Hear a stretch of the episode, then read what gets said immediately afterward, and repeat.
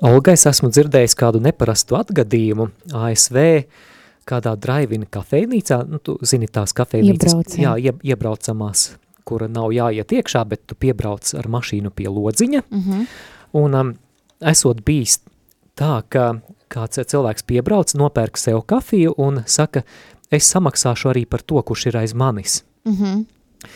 Nākamais piebrauc, vēlas pirkt kafiju, cik maksā, ne cik iepriekšējais cilvēks, kurš pirms jums bija klients, eh, jums uzsauca kafiju. mm, cik jauki. Jā, un, eh, un šis cilvēks, eh, vai, nē, eh, es, es tā nevaru, labi, es ņemu kafiju, bet es samaksāšu par to, kurš ir aiz manis. Un tas turpinājas? Tas turpinājās vairākas stundas. Super. Es esmu dzirdējusi arī tādu stāstu, neatceros vai uh, no Korejas vai no Japānas, ka viņam arī tāda tradīcija, ka tu ieej kāda kafejnīca no rīta un pasūti sev kafiju, un tad pasaki, un vēl piecas kafijas gaisā. Ko tas nozīmē, ka Oh. uh, uz šo kafejnīcu var nākt kādi cilvēki, kam varbūt nav naudas, bezpajumtnieki, un tad viņi prasa, vai ir kafija gaisā, saka, jā, ir, un tad es paņēmu cilvēks, jā. Nu, kafija gaisa, tas nozīmē, es samaksāšu par to cilvēku, kas būs nākamais, bet kuram nav naudas, lai samaksātu par to. Cik interesanti. Randiņa ar bībeli tēma šajā dienā būs, kas bībelē ir teikts par došanu.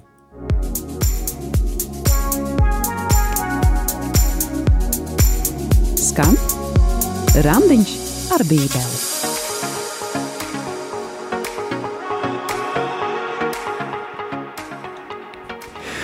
Beidzot, beidzot, randiņš ar bībeli ir atpakaļ radio Marija ēterā. Mēs uzsākam randiņa ar bībeli jau trešo sezonu. Jā, jūs varat uh, sameklēt savas bībeles, kur varbūt pavasaru jau ir stāv ar putekļiem, ir jau ir um, tā kā apkramējušas un tā kā noslauciet Jā. tos putekļus un Varam vaļā. sākt jaunu sezonu.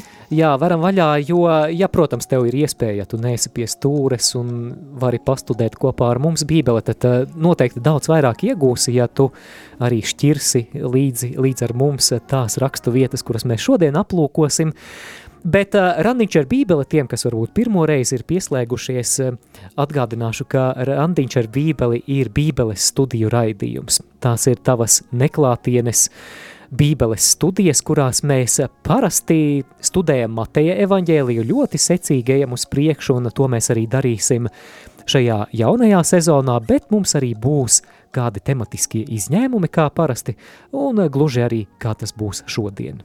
Jā, šodien uh, marietona kontekstā, kad mēs uh, vācam līdzekļus uh, freks, frekvenču ieviešanai Tukuma saldu un reizeknī, mēs esam saņēm, saņēmuši atļauju tur skanēt, esam uzvarējuši konkursos, jā, un jā, tad mums vajag uh, tās frekvences tā kā apgūt, jā, tas nozīmē, ka mums vajadzīga uh, tehnika, aparatūra, uzstādīšana, lai varētu sākt skan, skanēt tur.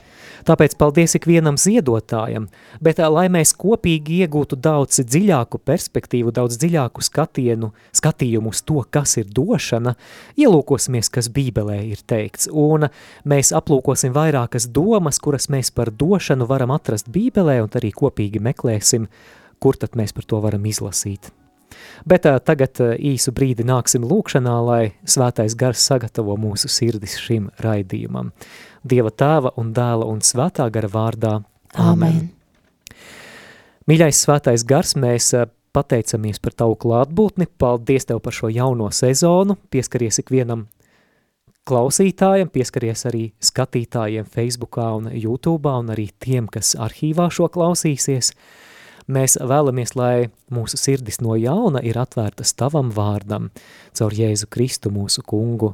Āmen. Visvētākā jaunava Marija, Lūdz, lūdz par, mums. Vēlēs labāk iepazīt svētos rakstus, bet nezini, ar ko sākt? Raidījums Randiņš ar bībeli ir tava bībeles studiju iespēja. Dinamiska, mūsdienīga un baznīcai uzticīga. Studē bībeles grāmatas kopā ar savedēju Māri Vēliku.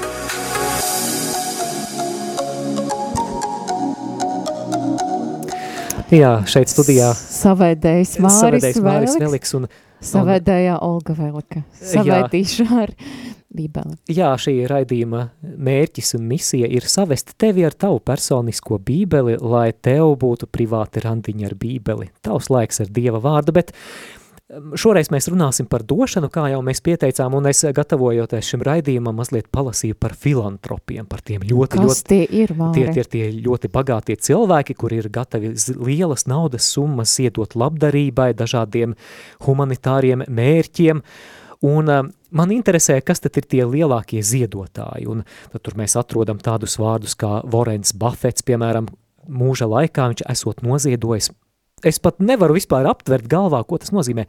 46 triljonus! Es pat nezinu, cik nulles ir triljonam. Mēs varam runāt par citiem miljardiem, miljardieriem, kuri ir atbalstījuši vienu vai otru ideju. Un ā, noteikti arī ā, tevi interesēs fakts ā, par Davidu Gilmoru. Tātad, Jā, ko, jā. jā. protams, Māris tikai par mm. -hmm. gitāristiem runā. jā, ģitārists Davids Gilmors no grupas Pink Floyd. Pavisam nesen viņš izsolē pārdeva savu ģitāru kolekciju. Izsolē tika iegūti 21 miljons uh, labdarībai, lai cīnītos ar klimata pārmaiņām. Lūk, šādi interesanti fakti par filantropiem, par devējiem, bet mēs te nonākam pie jautājuma, kurš ir vislielākais devējs Bībelē? Kurš ir lielākais filantrops un interesanti tā vārdā arī etimoloģija, jo sanāk fil ir mīlēt, antrop tad ir cilvēku. Cilvēkus, jā. Kurš ir lielākais cilvēku mīlētājs, tā var teikt? Tad nu pirmā doma, pirmā tēze, kuru mēs aplūkosim šajā raidījumā, ir, ka Dievs ir vislielākais devējs. Dievs ir vislielākais devējs, un man šeit nāk prātā kāda rakstu vieta no Jēkaba vēstules pirmās nodaļas. 17. pants, tātad Jēkaba pirmā nodaļa, 17. pants. Katrs labs devums un katra pilnīga dāvana nāk no augšienes, no gaismas tēva, pie kura nav ne pārmaiņas, ne pārgrozības ēnas. Jā, kāda gudrība. Un uh, mēs varētu jautāt, ko tad Dievs dāvā, kas ir tās Dieva labās dāvanas, un te mēs varētu minēt daudzus, daudzus piemērus, bet uh, atlasīsim dažus. Jā, bet ā, jā, mums ir kādas, jo jums ir kādas idejas, ko Dievs dāva, varbūt, ko mēs nebūsim minējuši mūsu raidījumā, tad to arī uzrakstiet, jā, ka, Jā, ko Dievs jums ir dāvājis, ko jūs uzskatot, uzskatāt, kā, ko Dievs ir pasaulē dāvājis. numurs īziņām vai WhatsApp ziņām ir 266 77 272. Droši rakstīt. Jā, tad ko īsti Dievs dāvā, ko mēs par to lasām Bībelē? Mēs sāksim ar Bībeles pašu pašu sākumu. Radīšanas grāmata, un uh, mēs zinām, ka Bībeles pašā sākumā mēs lasām radīšanas stāstu. Un radīšanas grāmatas pirmajā nodaļā, 29. pantā, mēs lasām. Un Dievs sacīja, redzi, es jums, te ir runa par cilvēkiem, esmu devis visus augus, kas nes sēklu, kas vien ir zemes virsū, un visus kokus, kas augļus nes, kam sēkla sevī. Tie, lai jums būtu par ēdamo. Ko tas nozīmē? Tas nozīmē, ka Dievs mums ir devis šo pasaulē, mēs varam apbrīnot šo pasaulē, jā, un pateikties par to, ka viņš patiesībā mums to ir devis. Un uh, man vēl nāk arī rakstu vieta par to, ka Tēvs liek lietumu līt par labajiem un Jā, ļaunajiem, un saulē tāpat spīdiet, jā, un visiem cilvēkiem viņš ir devis gan visu dabu, visu pasauli, un arī, jā, es atceros, ka tā, savu to atgriešanas stāstu, kad es biju piedzīvojusi Dievu un biju sajutusi to, ka patiesībā Dievs mani ļoti mīl, un tas padarīja mani ļoti priecīgu. Viena no pirmajām lietām, ko es pamanīju, wow, cik skaista ir daba. Un es atceros, tas bija aprīļa sākums. Nu, mēs jau zinām, kāds Latvija ir laiks, viss tāds pelēks, puspēlēks, jā, nedaudz var jūs to pavasarī, bet bija peļķes, bija sniegs, bija lietus, bet man likas, Dievs deva tādu savu pieskari, man likas, viss tik ļoti skaisti, Dievs, viss, Dievs deva to atklāsmi, ka Dievs tu esi devis brīnišķīgu dabu, brīnišķīgu pasauli, un tas viss ir harmonija ar tevi. Jā, tā kā uzreiz bija tāda atklāsme par to, ko Dievs ir devis. Jā, Dievs dāvā mums šo skaisto pasauli, un tāpēc klausītāji, skatītāji, kad dosies kādā garākā vai īsākā rudens pastaigā, paskaties uz vēlāk krītošajām vai dzeltējošajām lapām, uz sēnēm, kas spraucas ārā no sūnām, un pamēģini apzināties, ka Dievs to ir devis mums. Arī par ēdamu, kad mēs varam kādu maltīti ēst un baudīt, tad mēs atceramies, wow, Dievs ir devis to. Jā. To garšu, katru garšu Dievs mm. ir izdomājis. Ražas laiks galu galā. Ko Dievs vēl dāvā? Dievs dāvā dzīvību. Dievs dāvā dzīvību un arī vēl joprojām atrodamies Bībeles pašā sākumā, radīšanas grāmatas otrā nodaļa un septītais pants. Divi septiņi.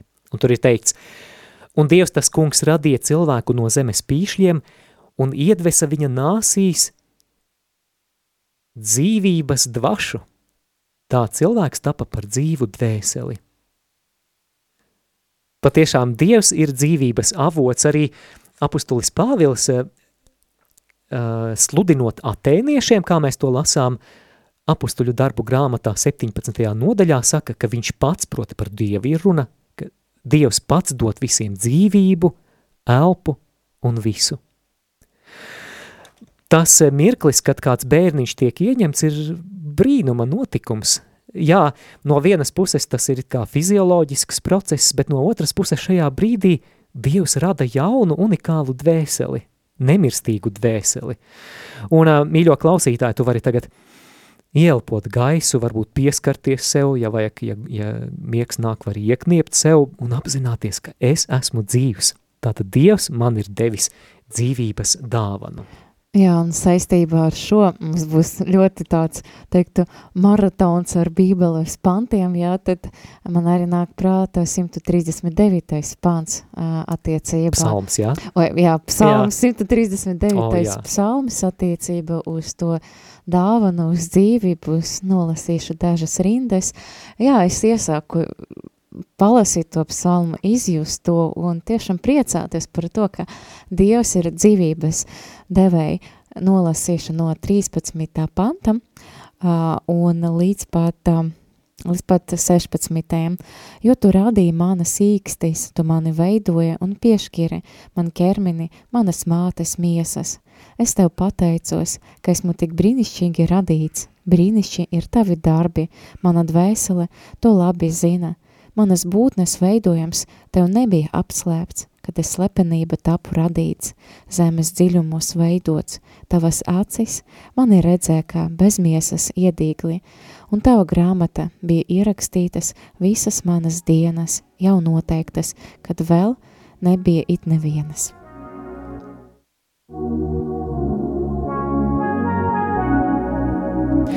Mīļo klausītāji, mēs joprojām runājam par pirmo plāna punktu, ka Dievs ir tas lielākais devējs. Pirmkārt, Dievs ir tas, kurš dāvā, dāvā šo pasauli, dāvā dzīvību, ko vēl Dievs dāvā? Jo tik ļoti Dievs pasauli mīlējis, ka ir devis savu vienpiedzimušo dēlu. Protams, Dievs mums devis pašu dargāko savu dēlu, lai neviens, kas viņam tic, nepazūstu. Jāņa Evangelijas trešā nodaļa, 16. pants. Un pateicoties tam, ka Dievs mums ir devis pašu dārgāko, viņš atdevis savu dēlu, kurš nomirst par taviem grēkiem, par maniem grēkiem pie krusta, un trešajā dienā augšām ceļās pateicoties tam, Dievs mums dāvā pestīšanu un mūžīgo dzīvi. Vēlos nolasīt vēstules efeziešiem otrās nodaļas 8. un 9. pantu, efeziešiem otrā nodaļa, 8. un 9. pants, kur, manuprāt, ļoti ir uzsvērts tas, ka šī pestīšana un mūžīgā dzīve tas nav kāds mūsu sasniegums, ar ko mēs varētu lepoties, bet ka pirmkārt, pirmkārt tā ir dāvana no Dieva, kurš ir devējs. Tātad Pāvils raksta, jo no žēlastības jūs esat pestīti ticībā, un tas nav no jums. Tā ir Dieva dāvana. Ne ar darbiem, lai neviens nelielītos.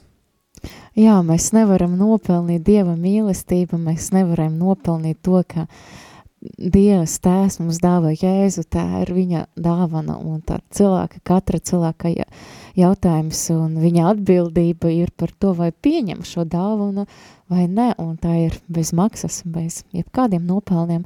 Jā, es arī aicinu varbūt kādus klausītājus, kas nav spēruši to soli, pieņem dievam, no dieva to dāvanu, Jēzu Kristu, to izdarīt tiešām, jo Dievs nav kādu likumu dievs un nav, nav tādu grēku, ko Dievs nespēja piedot, un nav tāda cilvēka, ko Dievs nespētu nemīlēt, jā, Dievs mīl katru cilvēku, tāpēc pieņem šo dāvanu, priecēs par to, jo pestīšana ir bez maksas par to, Dievs jau ir samaksājis. Un, dargo klausītāji un skatītāji, varbūt arī tev ir pārdomas par vēl kādām lietām, ko Dievs mums dāvā un kuras mēs neminējām, tad droši iesaisties ēterā. Iesaisties ēterā, zvanot uz studijas tālruni 67 969 131 vai rakstot īsiņu uz numuru 266 77 272. Izmanto arī e-pasta iespēju Studija at rml.lv.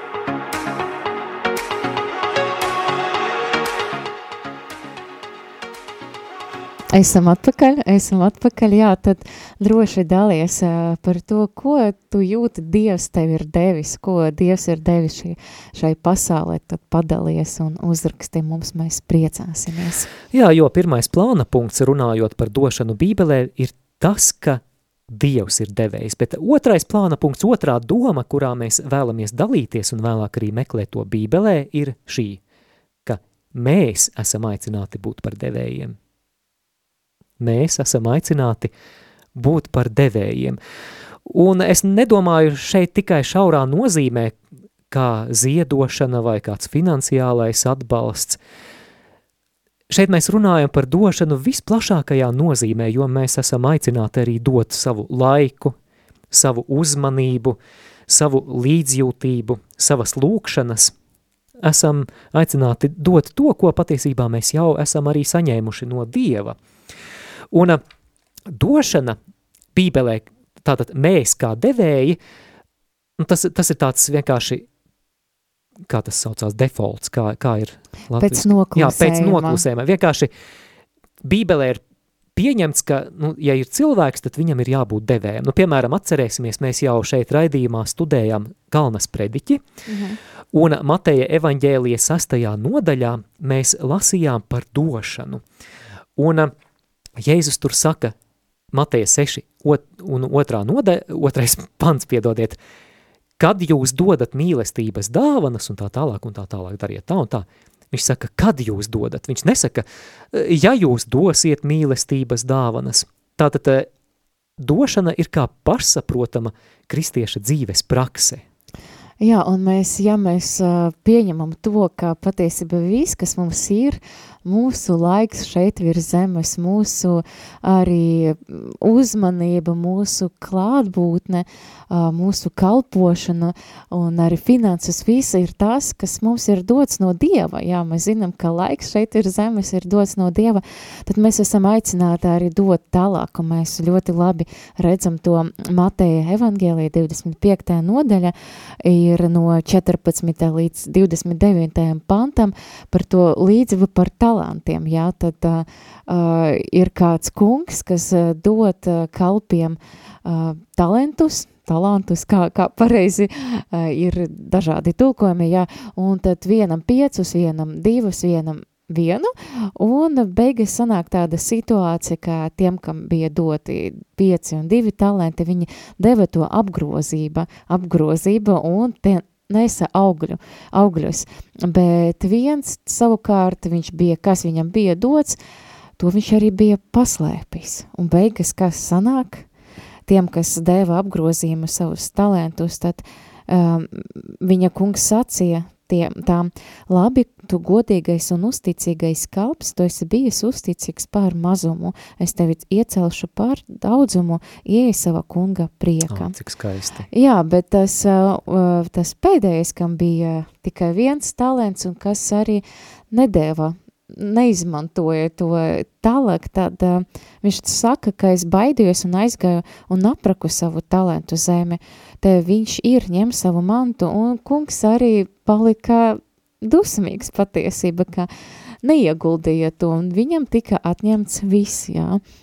Un tas nozīmē, jā, mēs varam padomāt, cik daudz mums ir laika, cik daudz mums ir resursu, lai dalītos, un īpaši uh, Dieva valstības dēļ, tuvāk mīlestības dēļ, vai mēs to izmantojam, lai nestu augļus kungam.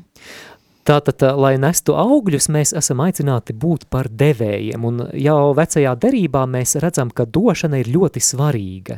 Tas pat ir tāds normatīvs. Piemēram, 5. mūzes grāmatā, jeb atkārtotā likuma grāmatā 14.22, 14.22 es nocitēšu, tev būs dot taisnu desmito tiesu no visiem savas sējas augļiem, kas ik gadus izauga tavā tīrumā – Kā to saprast? Varbūt ne visiem šis jēdziens desmitā tiesa ir pazīstams, bet tas nozīmē, ka 10% no tavas ražas, no taviem ienākumiem ir jāziedo dievkalpošanai.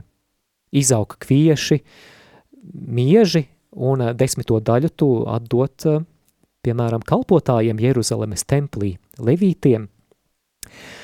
Un tādējādi tur, tur var runāt par, par teoloģisko nozīmi, tur ir ļoti daudz iemeslu, kāpēc, kāpēc tā ir jādara, bet nu, viens no aspektiem noteikti ir tas, ka dodot šo desmito daļu, desmit procentus no tā, ko tu esi saņēmis, tu apliecini, ka tu esi atkarīgs no Dieva.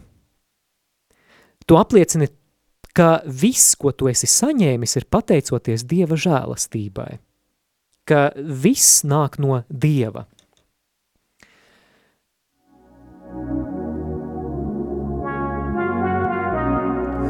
Un mums ir arī kāds zvanītājs, uzklausīsim, lūdzu. Lai top slavēts Jēzus Kristus. Mūžīgi mūžam slavēts. Nu, nenoturējos. Ļoti labi. Klausīju, pusēju, pusēju, Un pirmkārt jau nu, apsveicu ar astoto sezonu. Paldies! Nu, protams, vislielākā apsveikam jums abiem diviem mīļumiņi. Jā. Paldies! Neredzu jūs sejā prieku. jo būtībā jūs, mīļie, tikko paši runājat paši pa sevi. Es tā no malas, es jau tāds skats no malas kā to saka, nav jau skats galīgi no malas, vai ne, būtībā, teiksim, mēs ar savu kundzi 48 gadu apakaļ, ot kā jūs tikko pieminējāt oh. tos divu vārdus, vai ne, es, nu, nu, nu, no sirds, goda vārds Māri un Olga, jums mīļie, jūs tikko paši runājāt it kā dievvārdā, bet jūs paši pateicāt paši par sevi. Tu taču, Māri, stājies seminārā. Jā. Nu, jā, bet redzi, kur tu tagad esi vai paskaties. Nu, ko tev Dievs, tev Dievs parādīja tādu ceļu, un tev ir kundze blakus, vai ne? Un, un, un, un, un, nu, jā, es viņu tagad samīļošu. un priecājos par to Dieva ceļu, un esmu tāds, ka tāds savu veidu liecinieks, vai ne? Tā sanāk, par kāds neievēroja to, Bet arī es gribēju kaut ko no savas puses pieminēt, kad vienu lietu, kas manā dzīvē Dievs nostrādāja. Mm, ar tādu mīlestību mums meitiņa nevarēja ieņemt bērnu. Ilgi, ilgi jau tojas, jau 40 gadi, vai ne, nevarēja un neiet, vai ne, un kā tagad atceros Franciska draudzē aizgāju, bija tā diena, neieņemtā bērna, mm. lūkšana diena.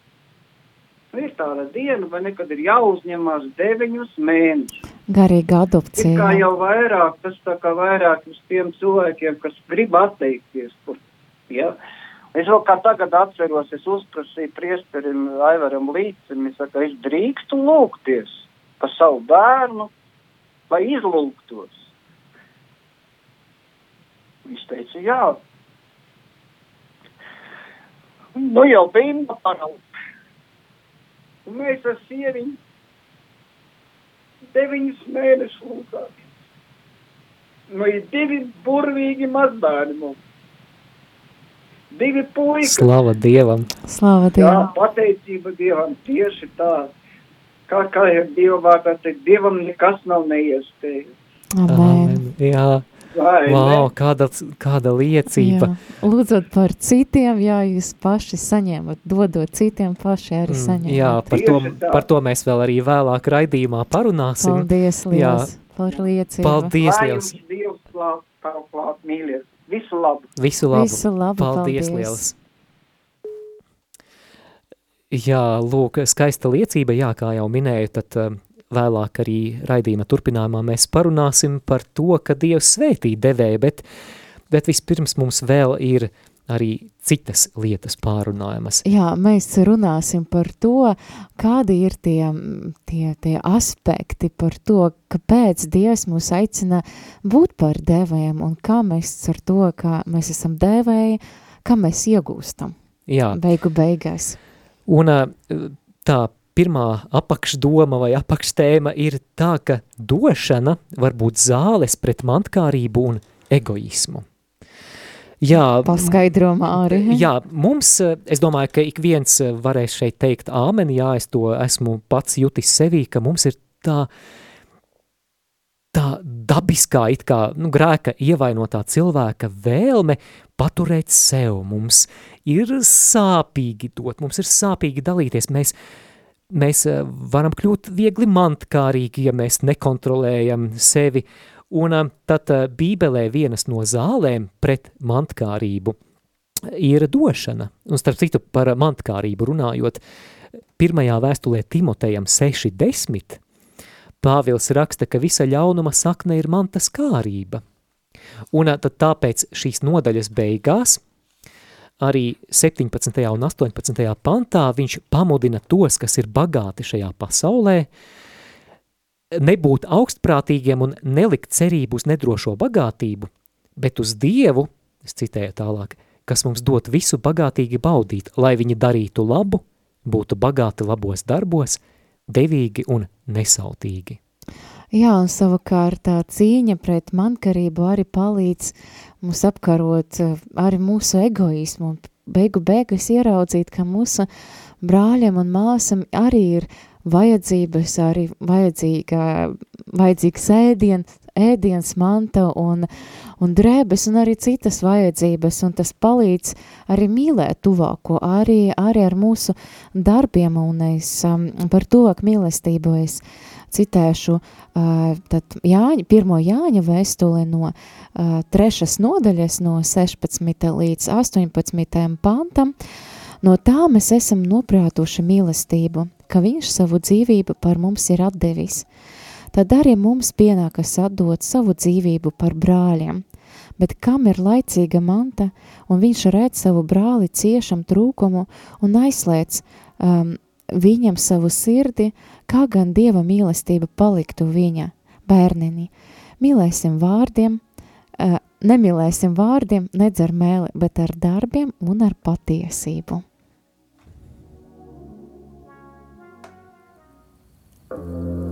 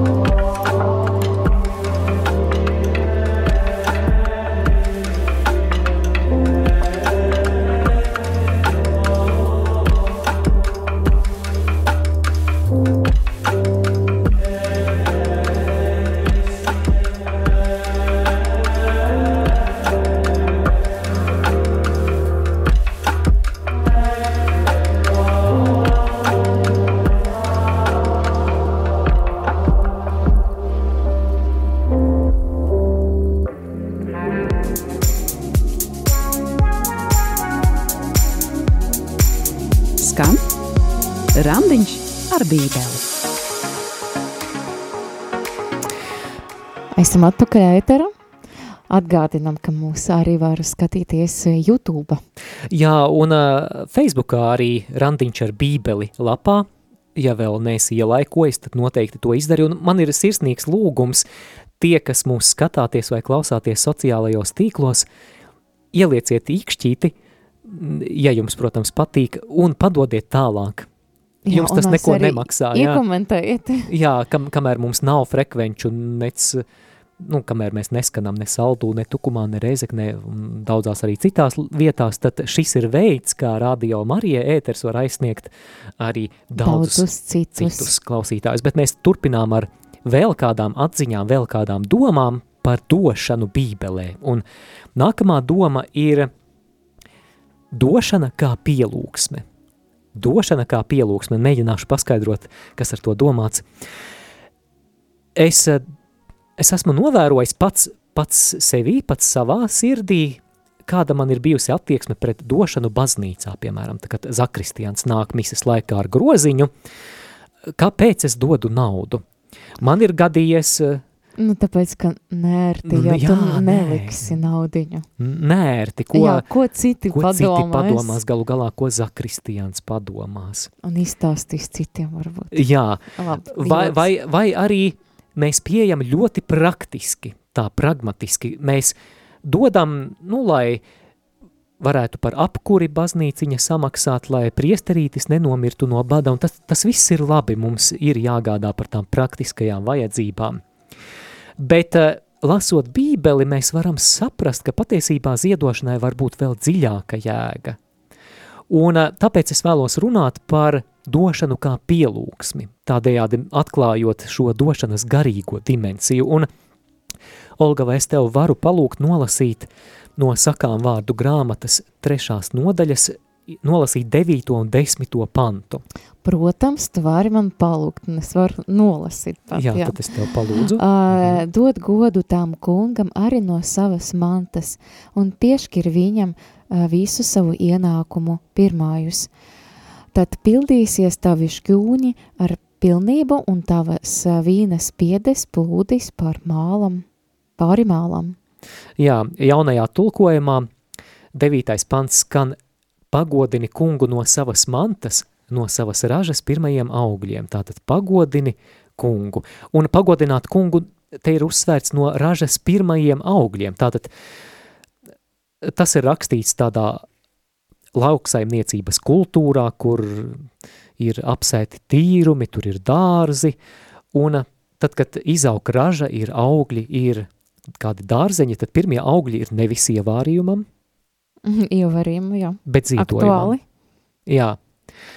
Un um, arī es, es neteikšu, ka es esmu ideāls šajā gadījumā, un es joprojām cenšos laboties, jo bieži vien man sanāk tā, ka tad, kad es saņemu algu, es uh, sākumā sapērku to, kas man ir vajadzīgs, es samaksāju rēķinus, un, un tad varbūt mēneša beigās atceros, ka, hmm, vai es esmu pagodinājis Dievu.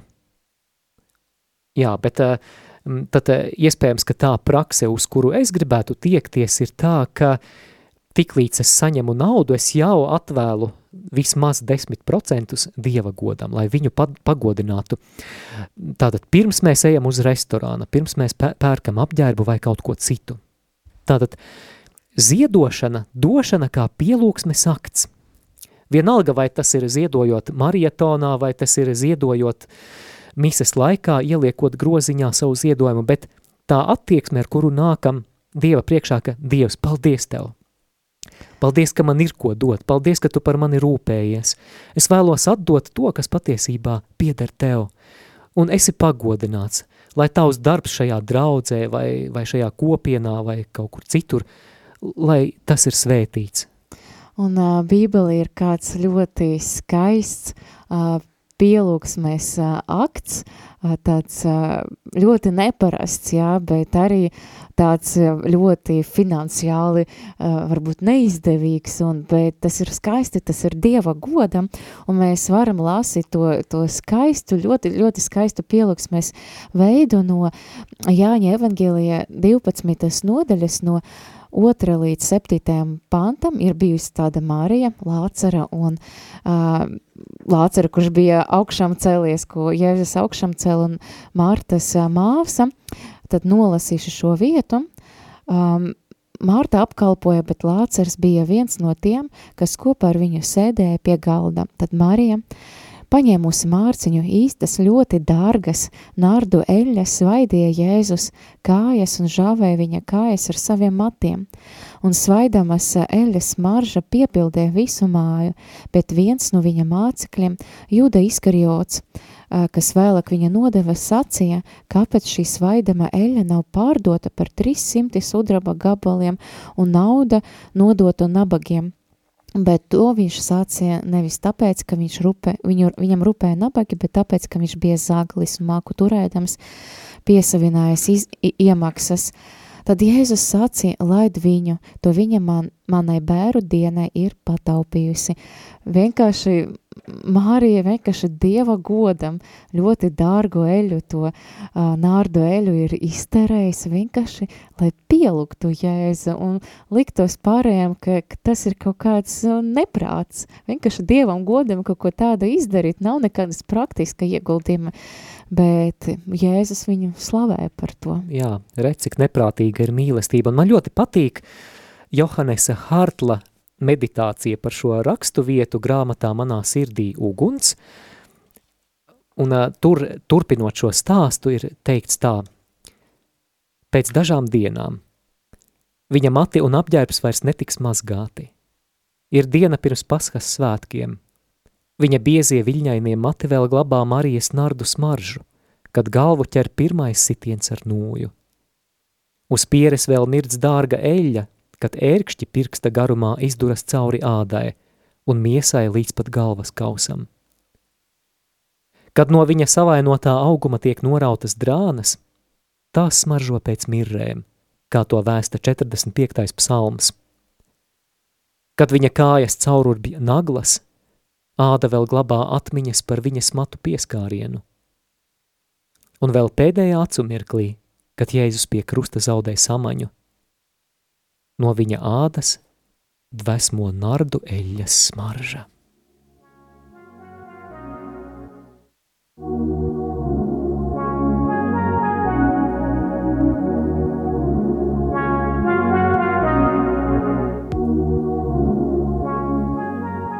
Jā, šo mēs varam arī uh, teikt, ka mūsu pielūgsme, Dievam patīkama smarža, un tā atstāja, tā atstāja savu, savas pēdas, un tad mēs varam doties tālāk, jā, un mēs varam runāt par to, ka došana patiesība, mēs varam jau nedaudz atsaukties uz to, ko Māris tu bija pateicis, pateicis par, uh, par to, ka mēs apliecinam, ka Dievs ir kungs, bet mēs arī uzticamies Dievam par to, ja mēs ziedojam, ka mēs arī parādam to, Dievs, es tev uzticos, es uzticos, ka, ka tu neatstāsi mani, un man liekas, viens, viens sižets no bībeles ļoti skaidri to parāda, ir ļoti tāds ļoti ievērojams, eh, ievērojama vieta, notikums Bībele, kur Dievs prasa ļoti lielu upuri cilvēkam.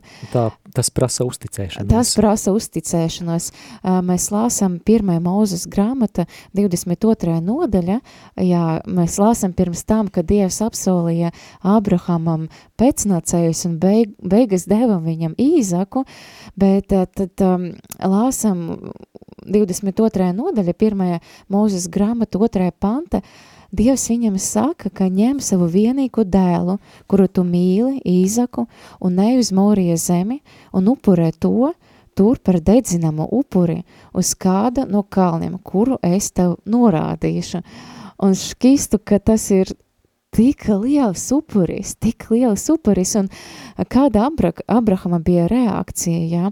viņš uzticējies Dievam, Un varbūt viņam, mēs nezinām, kādas viņam bija pārdomās, bet mēs arī lasam vēstuli ebrejiem 11. nodaļa, ka viņš uzticēs Dievam un ticēja, jā, ka viņš jau upurēja savu dēlu, tad Dievs viņu augšām cels. Un arī ejot ar, ar savu bērnu, ar savu dēlu uz to kalnu, tad uh, Īzaks prasa Abrahamu savam tēlam, bet kur ir tas upuris, ja Īzaks nezināja, ka, nu, Dievs viņam teica, Abrahamam teicam Īzaku upurēt, tad Abrahams, man liekas, tā pravietiski teica, Īzakam, gan Dievs pats izraudzīs sev jēru upurim mans dēls, un abi soļoja viens otram līdzas. Jā, tas bija gana pravietos, pravietiski, tad Dievs jau, kad Abrahams bija gatavs upurēt Īzaku, savu dargo dēlu, tad Dievs arī,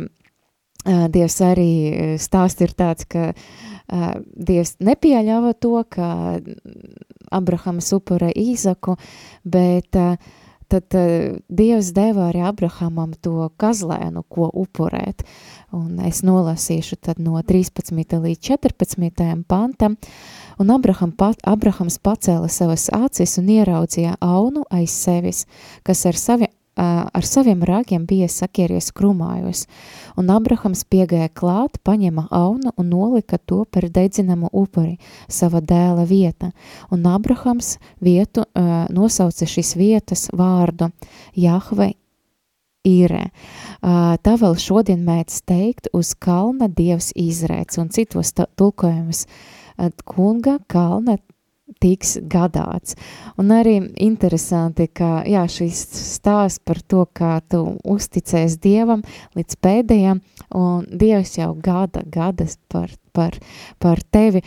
Un arī, jā, arī, arī sava dzīve, jā, kad um, Man ir bijis tā, ka Dievs dažreiz bija aicinājis kaut kādas nepratīgas lietas, varbūt ziedot. Es atceros, man bija situācija pašai naud, ar naudu nebija ļoti spīdoši, tā teikt, Bet bija interesanti, es jūtu, ka Dievs tiešām bija tas Dievs, kas rūpējas par mani, kas gada par mani, un tajā laikā arī es lūdzu uz Dievs, tu esi mans apgādnieks, tu esi, kā, kā arī um, Abrahams nosauca to vietu, Jahve īre, es tev, es tev uzticos, un bija situācija, kad uh, man vecāki ziemas, uz Ziemasvētkiem uzdāvināja 100 eiro, un es biju, wow, priecīga, paldies viņam, par to, un tad es devos uz kādu baznīcu, uz dievkalpojumu, un e, nāca, nāca Zakristians ar groziņu, un es jūtu, Dievs mani aicina dot pusi no tā, un man likas, Dievs, nu tas ir neprāts, jā, bet es uh, paņemu tos 50 eiro un es savā sirdī teicu, Dievs, es tev uzticos, es uzticos, ka tu gādāsi par mani, tu zini visu, visas manas vajadzības, un es ieliku tos 50 eiro, un kas bija interesanti, tuvākais dienas, es neatceros precīzi pēc cik dienam, man atnāca prēmija. Man atnāca prēmija, kas nebija plānota, es nezināju, ka tā, kā tā būs, tas bija pat daudz vairāk nekā 50 eiro, tas bija daudz vairāk nekā 50 eiro, un jā, es biju ļoti pārsteigta, bet tajā pašā laikā zināju, ka Dievs, Dievs, Dievs par mani rūpējas un tāda veida apliecināja to, ka jā, viņš ir Dievs, kas rūpējas par mani. Jā, tā tad došana kā uzticēšanās. うん。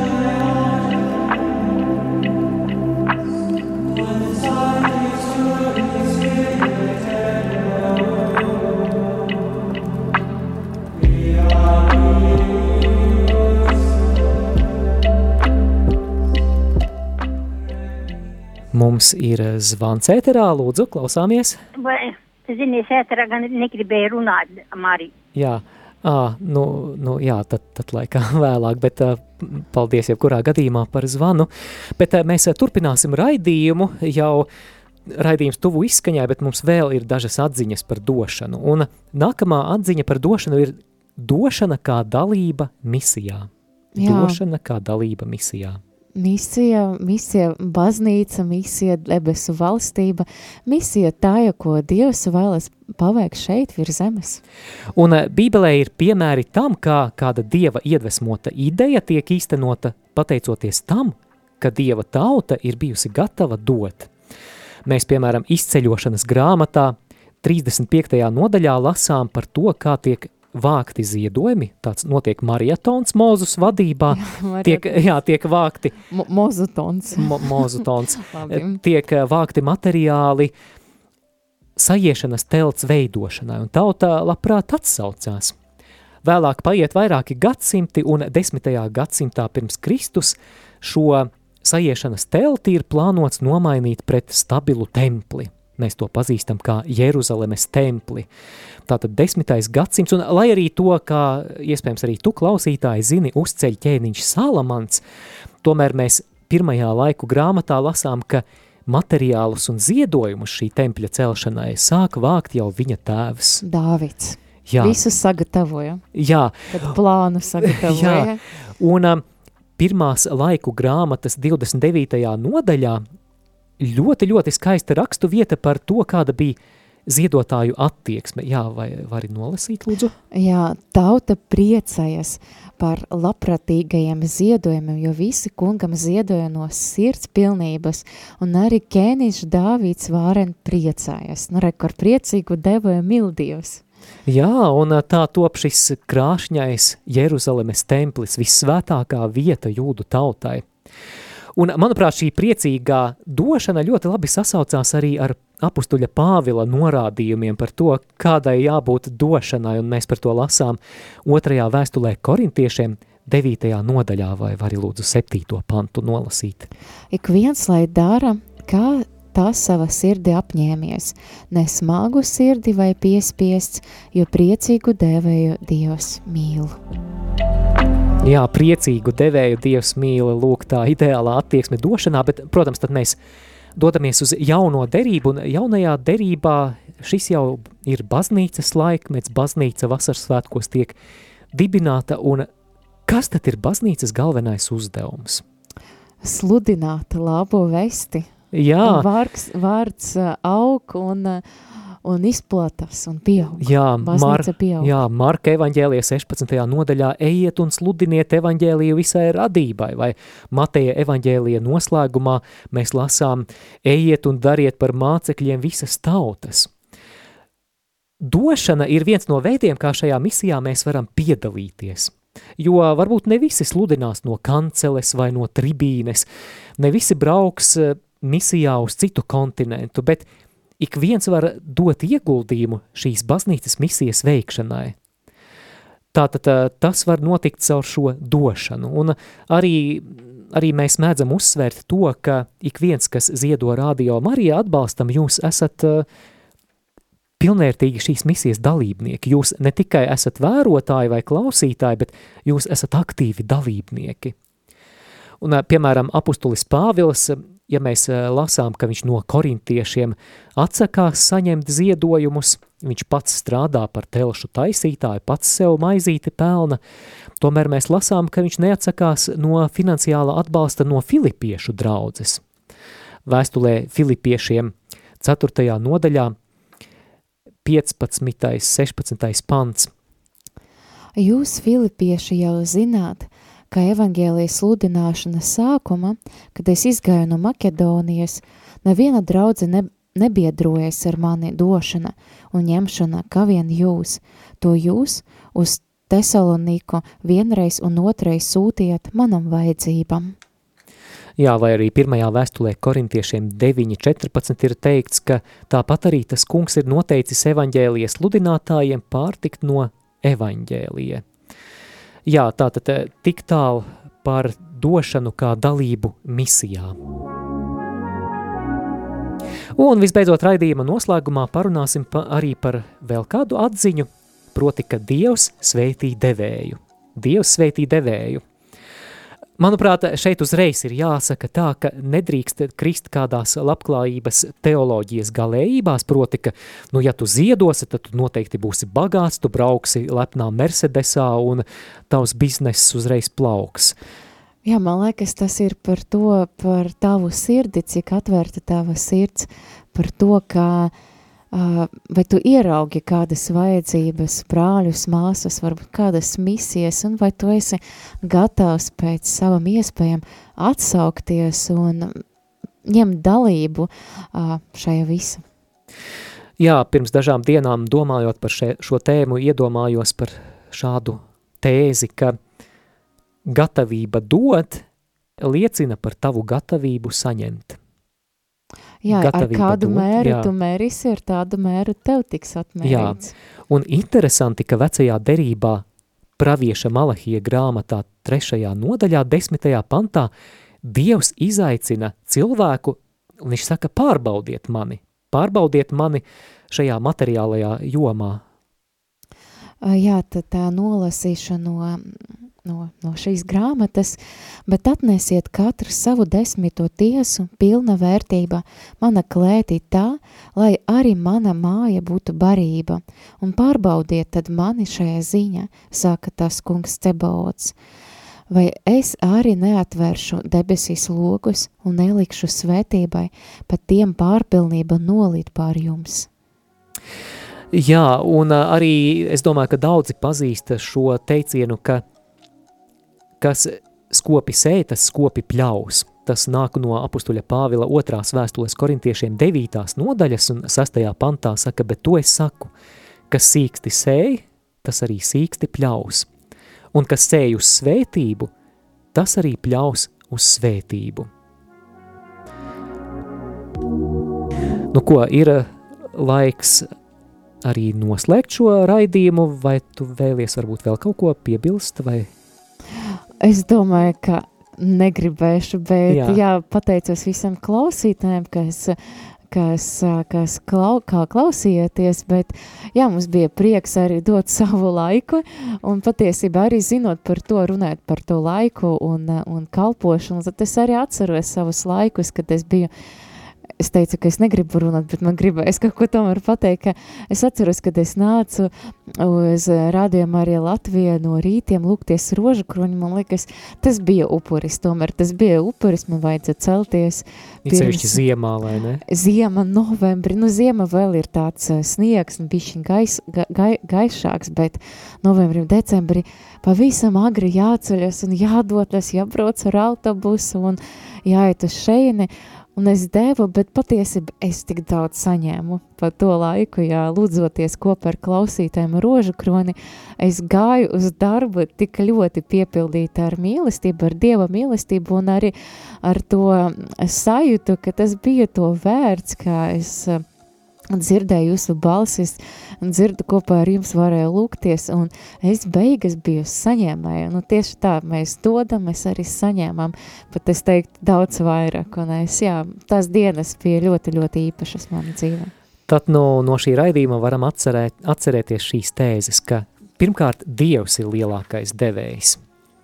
Tad mēs esam aicināti būt par devējiem, došana ir zāles pret mantkārību un egoismu, Došana ir pielūgsme.